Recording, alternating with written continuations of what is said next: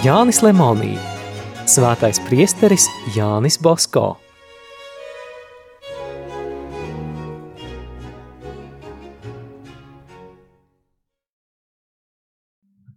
Vēl joprojām izplatījās baumas par oratoriju. Nevarēdams iekļūt pie Farīnī, priesteris Bosko griezās pie Silvio Spaventas, iekšlietu ministrijas ģenerālsekretāra. Arī tas atteicās viņu pieņemt, kaut arī viņš bija apsolījis priesteri pieņemt 14. jūlijā, bet nožēloja doto vārdu un nozīmētajā dienā paziņoja, ka esot pārāk daudz neatliekamu darbu un tikko spēšot pieņemt ārzemniekus. Priesteris Bosko kalpam pateica: Pagaidīšu, kamēr sekretāra kungs pabeigs darbus. Tā viņš nogaidīja no 11. rītā līdz 6. vakarā. Priesterim Bosko tā sēžot uzgaidāmajā telpā pulcējās dažādu sabiedrības slāņu cilvēki. Tie visi pēc kārtas gāja pie sekretāra, vienīgi priesteris Bosko bija izņēmums. Vēlāk Spaventa, kaunēdamies par savu necilvēcīgo izturēšanos pret līdztiesīgu pilsoni, pabāza galvu no sava kabineta un pajautāja priesterim Bosko, ko viņš vēlas. Gribu jūsu ekscelencē pateikt dažus vārdus divatā. Runājiet šeit, visi šie cilvēki man ir uzticami. Priesteris Bosko nebūtu neapvainojās par tādu bezskaunīgu rīcību un pieklājīgi teica: Kungs, man ir jāuztur 500 trūcīgu bērnu. No šī brīža es nododu viņus jūsu aizsardzībā. Lūdzu, parūpējieties par viņu nākotni. Sekretāru tas ieinteresēja. Visi panāca tuvāk, lai dzirdētu, ko ministrijas galva sacīs šim priesterim. Sekretārs vēl vairāk sakaunējās un aicināja priesteri Bosko savā kabinetā. Ievedis tur un palūdzis apsēsties, viņš pārmeta Bosko nebijušus un nedzirdētus noziegumus – Jānis Bosko atbildēja mierīgi un pārliecinoši. Sekretārs uzreiz pamanīja, ka šis priesteris nebija tik briesmīgs cilvēks, kādu viņu tēloja, un apsolīja izgādāt audienci pie ministra. Dienu un stundu viņš apsolījās paziņot rakstiski. Atsveicinājies sekretārs priesteri pavadīja līdz kāpnēm. Sargi dziļi paklanījās viņa priekšā un pavadīja līdz vārtiem. Jānis Basko atgriezās oratorijā astoņos vakarā. Viņš vēl nebija ēdis pusdienas. Ministrs Farīnī apsolīja viņu pieņemt 16. jūlijā pulksten 11. Šoreiz priesteri Bosko vairs nekas neaizkavēja. Pats ministrs viņu sagaidīja, ieveda savā kabinetā un sāka pārmest, ka viņš jaucas politikā un sadarbojas ar valsts ienaidniekiem. Jānis Basko atbildēja pieklājīgi, bet drosmīgi un noteikti. Pēc dažām nejaušām priestera Bosko piezīmēm ministrs savilka uzacis. Viņš apvainojās un pieprasīja runāt pieklājīgāk, jo vajagot atcerēties, ka viņš ir pie ministra. Jānis Basko atvainojās un uzsvēra, ka viņš nemaz nesot iekārsis, bet ir pieradis sacīt taisnību visiem acīs, Ministrs draudēja, ka iemetīšot viņu cietumā, ja neatzīsies apvainojumos. Neticu, viņam atteica priesteris Bosko, ka jūsu ekscelence tā varētu rīkoties. Jums taču rūp personas gods un taisnība. Tādu negodīgu un aplamu soli jūs, ekscelence, nekad neatļausieties. Farīnī izteica arī citus apvainojumus, bet priesteris Bosko tos tūliņ atvairīja. Ministram atlika vēl tikai balstīties uz nelikumīgi atņemtajām vēstulēm. Tomēr, priesteri Bosko, mums ir vēstules, mums ir dokumenti. Bet eh, kur ir šīs vēstules, kur ir dokumenti? Šajā stāvoklī esmu spiests prasīt taisnības un likuma ievērošanu nevis attiecībā pret sevi, bet pret saviem zēniem. Prasu taisnību arī to atstāto zēnu vārdā, kas ieradās pie manis ar jūsu rekomendāciju. Šos vārdus dzirdot, Farīnī it kā apjuka un piecēlies sāka staigāt pa istabu. Viņš turēja rokās atņemto vēstuli, ko Turīnas arhibīskaps bija sūtījis priesterim Bosko no Lionas. Vēl ar vienu viņam negribējās to nolikt. Varbūt viņš kaunējās, ka pārkāpis pasta neaizskaramību. Pēc dažām minūtēm atvērās blakus durvis un kabinetā ienāca grāfs Kamilo Kavūrs, ministru prieksēdētājs un ārlietu ministrs. Smaidīdams un rokas berzādams, viņš jautāja, kā nezinādams, ko jūs te tā spriežat? Ministra kungs, nemocīsim tik ļoti šo priesteri Bosko. Es, priesteri Bosko, vienmēr jūs atbalstīju un atbalstu arī tagad. Tad, nu, kas ir ar jums, priesteri Bosko? Viņš jautāja, lūgdams viņu apsēsties. Kas par bēdām? Saruna ieilga.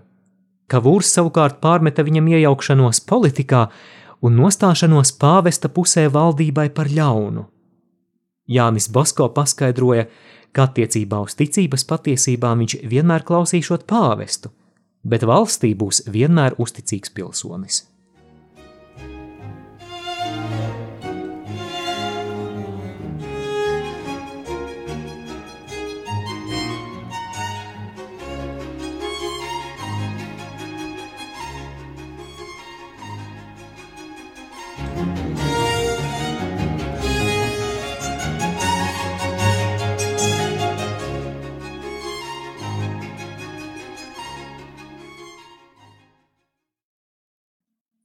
Jau pagājuši 20 gadi, teica priesteris Bosko, kopš es dzīvoju Turīnā. Šajā laikā es nepārtraukti rakstu, atklāti uzstājos un strādāju. Vai ir atrasta kaut rinda, kaut viens vārds, kas nebūtu varējis iziet cauri valdības cenzūru? Ja nu šie mani apgalvojumi būtu nepareizi, lūdzu to pierādīt. Ja esmu kaut kā noziedzies, lūdzu mani sodīt. Bet, ja esmu nevainīgs, tad lūdzu ļaut man mierīgi veikt manu darbu. Abi ministri centās viņu apsūdzēt, bet tikpat nekas neizdevās. Beidzot, Kavūrs nobeidza tā: Es esmu jūs vienmēr uzskatījis par prātīgu vīru, un tādēļ vēlos, lai visi iebildumi tiktu atcelti. Tātad uzskatiet, ka šīs nepatīkamās darīšanas ir beigušās.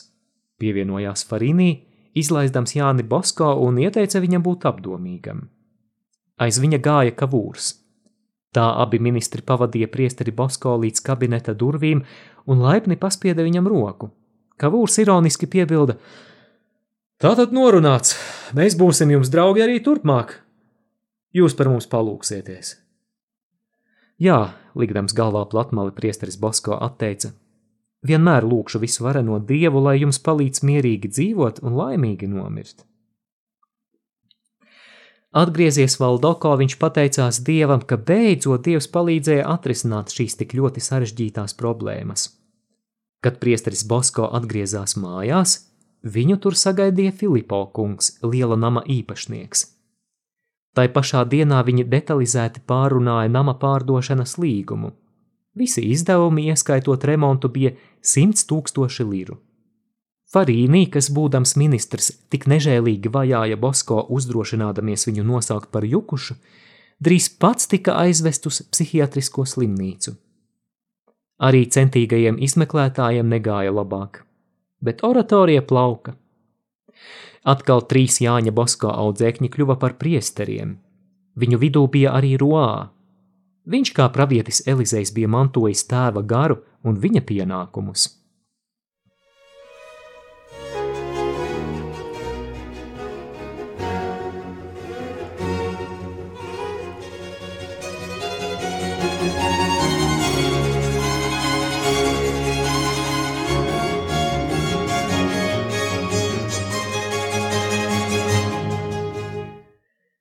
Tā gada jūlijā priesteris Bosko pieņēma arhibīskapa piedāvājumu vadīt Džavēno semināru. Pēdējā gadā tanī bija palikuši tikai daži audzēkņi.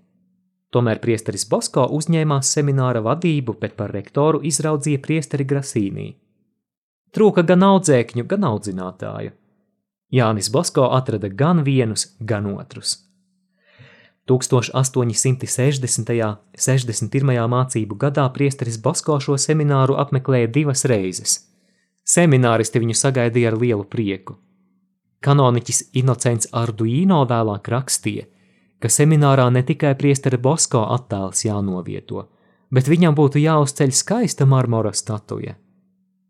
To, ka šie vārdi nav pārspīlēti, var spriest pēc skaitļiem – 1861. gadā, kad priesteris sāka vadīt semināru, tur bija 216 audzēkņi, bet mācību gada beigās 240. Iesācis vadīt semināru, priesteris Bosko to uzticēja bīskapijas priesteriem. Bosko vēl saņēma atļauju no Kasales bīskapa atvērt institūtu Mirabello. Nedaudz vēlāk tajā pašā gadā Jānis Bosko savā oratorijā pieņēma 20 astī diecēzes semināristus, jo bīskapijas semināru valdība bija slēgusi. Dzimstošās Franciska no Sales vai īsāk sakot Salesiāņu kongregācijas locekļi centīgi tiecās apgūt sava labā tēva noskaņojumu un audzināšanas principus. Ka tiem tas arī izdevās, var spriest pēc tā, kā arī viņus zēni iemīlēja tāpat kā priesteri Bosko.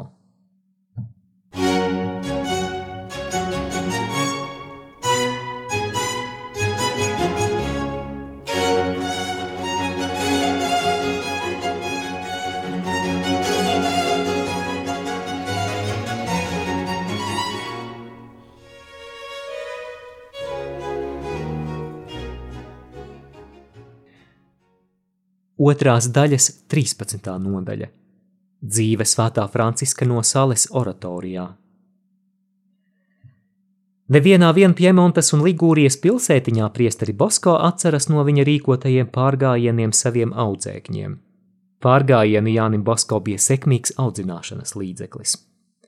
Reiz jau minējām viņa ceļojumu uz bekiem, bet vēl neesam runājuši par to, cik nozīmīgi bija pārgājieni. 1859. gada sākumā Piemontas pilsētiņās Villa San Secondo, Montiljo, Primerāno, Marmorito, Pino de Asti un citās priecīgi sagaidīja priestera Bosko zēnus. Tie liela orķestra pavadībā devās atpūsties dabā un nesa politiskajās ķildās atsalušajām sirdīm jauku garīgu iepriecinājumu pavasarī. Kur vien apstājās pārnakšņot priestera Bosko zēni – Tur sanāca neskaitāmi daudz cilvēku no visiem lielākajiem ciemiemiem un pilsētiņām. Viņi zināja, kur apmetīsies šīs oratorijas audzēkņi, tur būs svinīgi dievkalpojumi un līksmas rotaļas. Ieskatīsimies kanoniķa Anfosio piezīmēs. Kur priesteris Basko ar zēniem apmetās, viņš raksta, tur sapulcējās cilvēki kā uz atlaidām.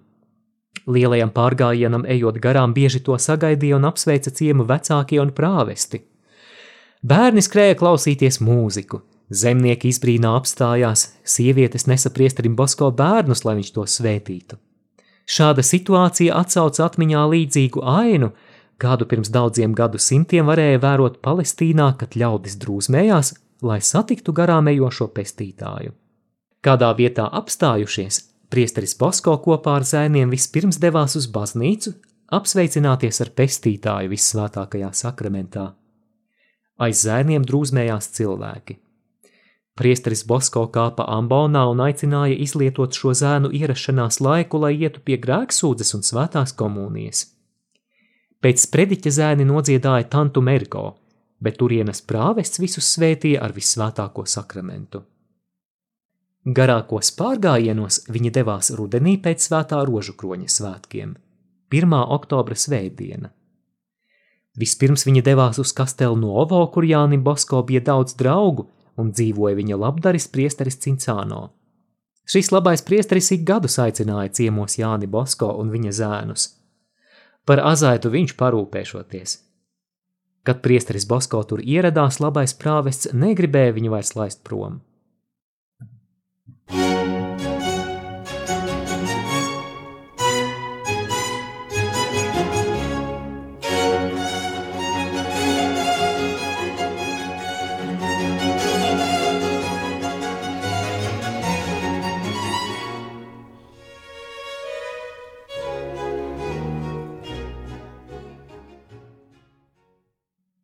Vienīgi Dievs zina, cik daudz laba viņš veica visās tajās pilsētiņās, kur apstājās ar saviem līksmajiem un dievbijīgajiem zēniem.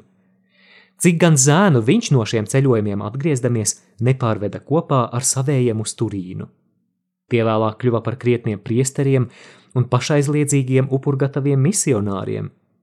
Cik ģimeņu viņš samierināja, cik siržu netiklības sausumā izžuvušu aplaistīja ar dieva žēlsirdības rasu. Neviens viens strādnieks vai skolēns, kas līdz tam laikam negribēja uz priesteri pat skatīties, pēc Jāņa Bosko apciemojuma mainīja savus uzskatus un kļuva saprātīgs un darbīgs katolis. Nevienā vien ciemā viņš pagodināja reti dzirdamo un dažreiz pat pavisam aizmirsto dieva vārdu. Vēlāk ar vien lielāki un svarīgāki priestera Bosko pienākumi kavēja viņam rīkot tik garas ekskursijas. Tomēr uz Beku ciemu un Mondonio, kur bija apbedīts Dominiks Savio, ekskursijas rīkoja ik gadus, kamēr vien priesteris Bosko dzīvoja. Vēl tagad Valdoko oratorijas orķestris brauc uz šīm priestera Bosko izvēlētajām vietām svētā rožu kroņa svētkos. 1861. gada 4. februārī priesteris Bosko devās Bergamo vadīt rekolekcijas semināra audzēkņiem. Šo pilsētiņu Jānis Bosko bija jau apmeklējis līdzīga uzdevuma dēļ pirms gada, un vēl dažas reizes tur bija atradies dažādās darīšanās. Kādu dienu ēzdams vakariņas kopā ar šī semināra priekšniekiem, priesteris Bosko gribēja pajokoties un uzjautrināt citus. Bez kāda pamata viņš sacīja: Šovakar es ar saviem zēniem apmainīšos vēstulēm. Šai pašā brīdī, kad es rakstīšu viņiem, arī viņi rakstīs man. Bet kā tad tas var būt? brīnīdamies jautāja semināra profesori. Rīt jūs redzēsiet, vai saku patiesību vai meloju. Otrā dienā atkal pusdienas ēdot priesterim Bosko atnesa vēstuli. Tā varbūt ir vēstule, ko vakar rakstīja Turīnā, pajokoja viens no profesoriem. Priesteris Bosko atvēra aploksni un izņēma no tās divas vēstules, ko bija rakstījuši oratorijas audzēkņi Jeraho un Parīģio. Semināra profesori skatījās viens uz otru un brīnījās. Priesteris Bosko līksmis mējās, Semināra audzēkņiem priesteri Baskos prediķi ļoti patika. Taisnību sakot, semināra rektors drusku rauca degunu, jo viņa prāt priesteris Basko runāja pārāk draudzīgi, vienkārši dažreiz pat jocīgi. Tomēr semināristi viņu tā iemīlēja, ka ja vien priekšniecība būtu viņiem atļāvusi, tie visi pēc tam būtu devušies pie priestera Bosko uz Turīnu. Monsignors Angelo Cataneo, kas toreiz mācījās Bergamo seminārā, rakstīja Roā. Rekolekcijām beidzoties es aizgāju pie priestera Bosko izdarīt vispārējo grēksūdzi. Toreiz man bija 16 gadu. Sāku viņam lasīt savus grēkus pēc saraksta. Man ar tiem bija pierakstīta vesela lapa. Priesteris Bosko paņēma no manis šo lapu un pielika tai degošu sērkociņu. Es samulsu un nezināju, ko sacīt. Bet priesteris Bosko mani nomierināja. Es tev pasakīšu tavus grēkus, un viņš man nosauca visus manus grēkus, kādi man vien bija, pat tos, kas lapā nebija ierakstīti. Varat iedomāties tēvs, kā es brīnījos un cik aizkustināts biju. Raudāju kā nopērts nožēlas asaras. Mēnesi tur pavadījis priesteris Bosko atgriezās no Bergamo.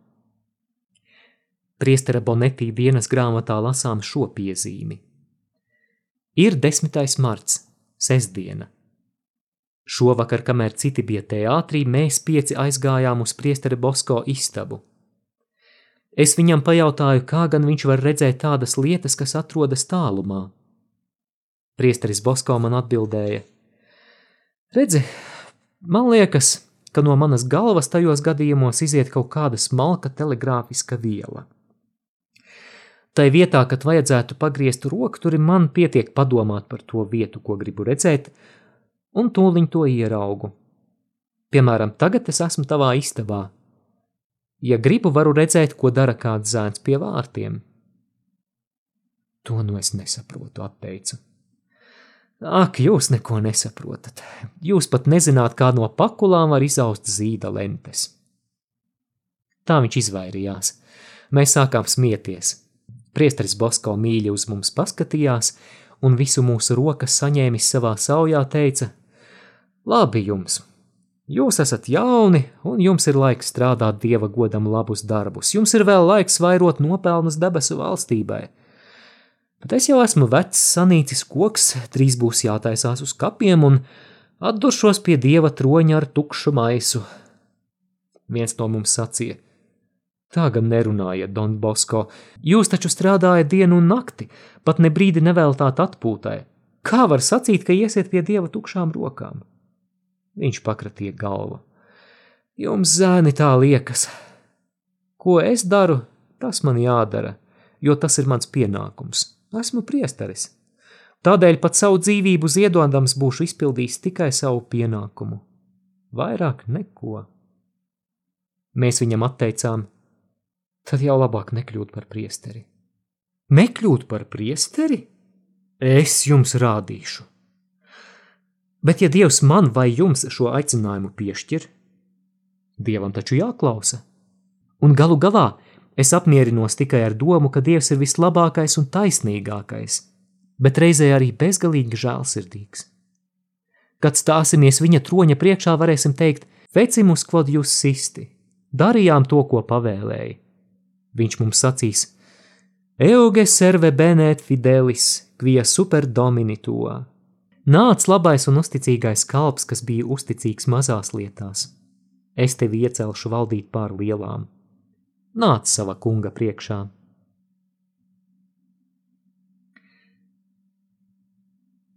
Tādas un vēl skaistākas sarunas, tādi un vēl brīnišķīgāki notikumi pamudināja Svētā Franciska no Sales kongregācijas locekļus nodibināt komisiju priestera Bosko darbu un runu pierakstīšanai. Komisija sāka darboties 1861. gadā. Tajā bija semināristi Kivarello, Bonetti un Rufino. Tās vadītāji bija priesteri Roā un Turki, sekretārs Rufino, loceklis Bonetti. Šīs komisijas savāktās ziņas un dokumentus arī mēs izmantojām. Cik skaisti! Pilni vistīrākās mīlestības un nesalīdzināmas pašuzupurēšanās bija šie oratorijas darba gadi, kaut arī trūka visnepieciešamākā un cilvēku atbalsta. Visi audzēkņi centās atdarināt sava tēva uzupurēšanās garu un svētumu.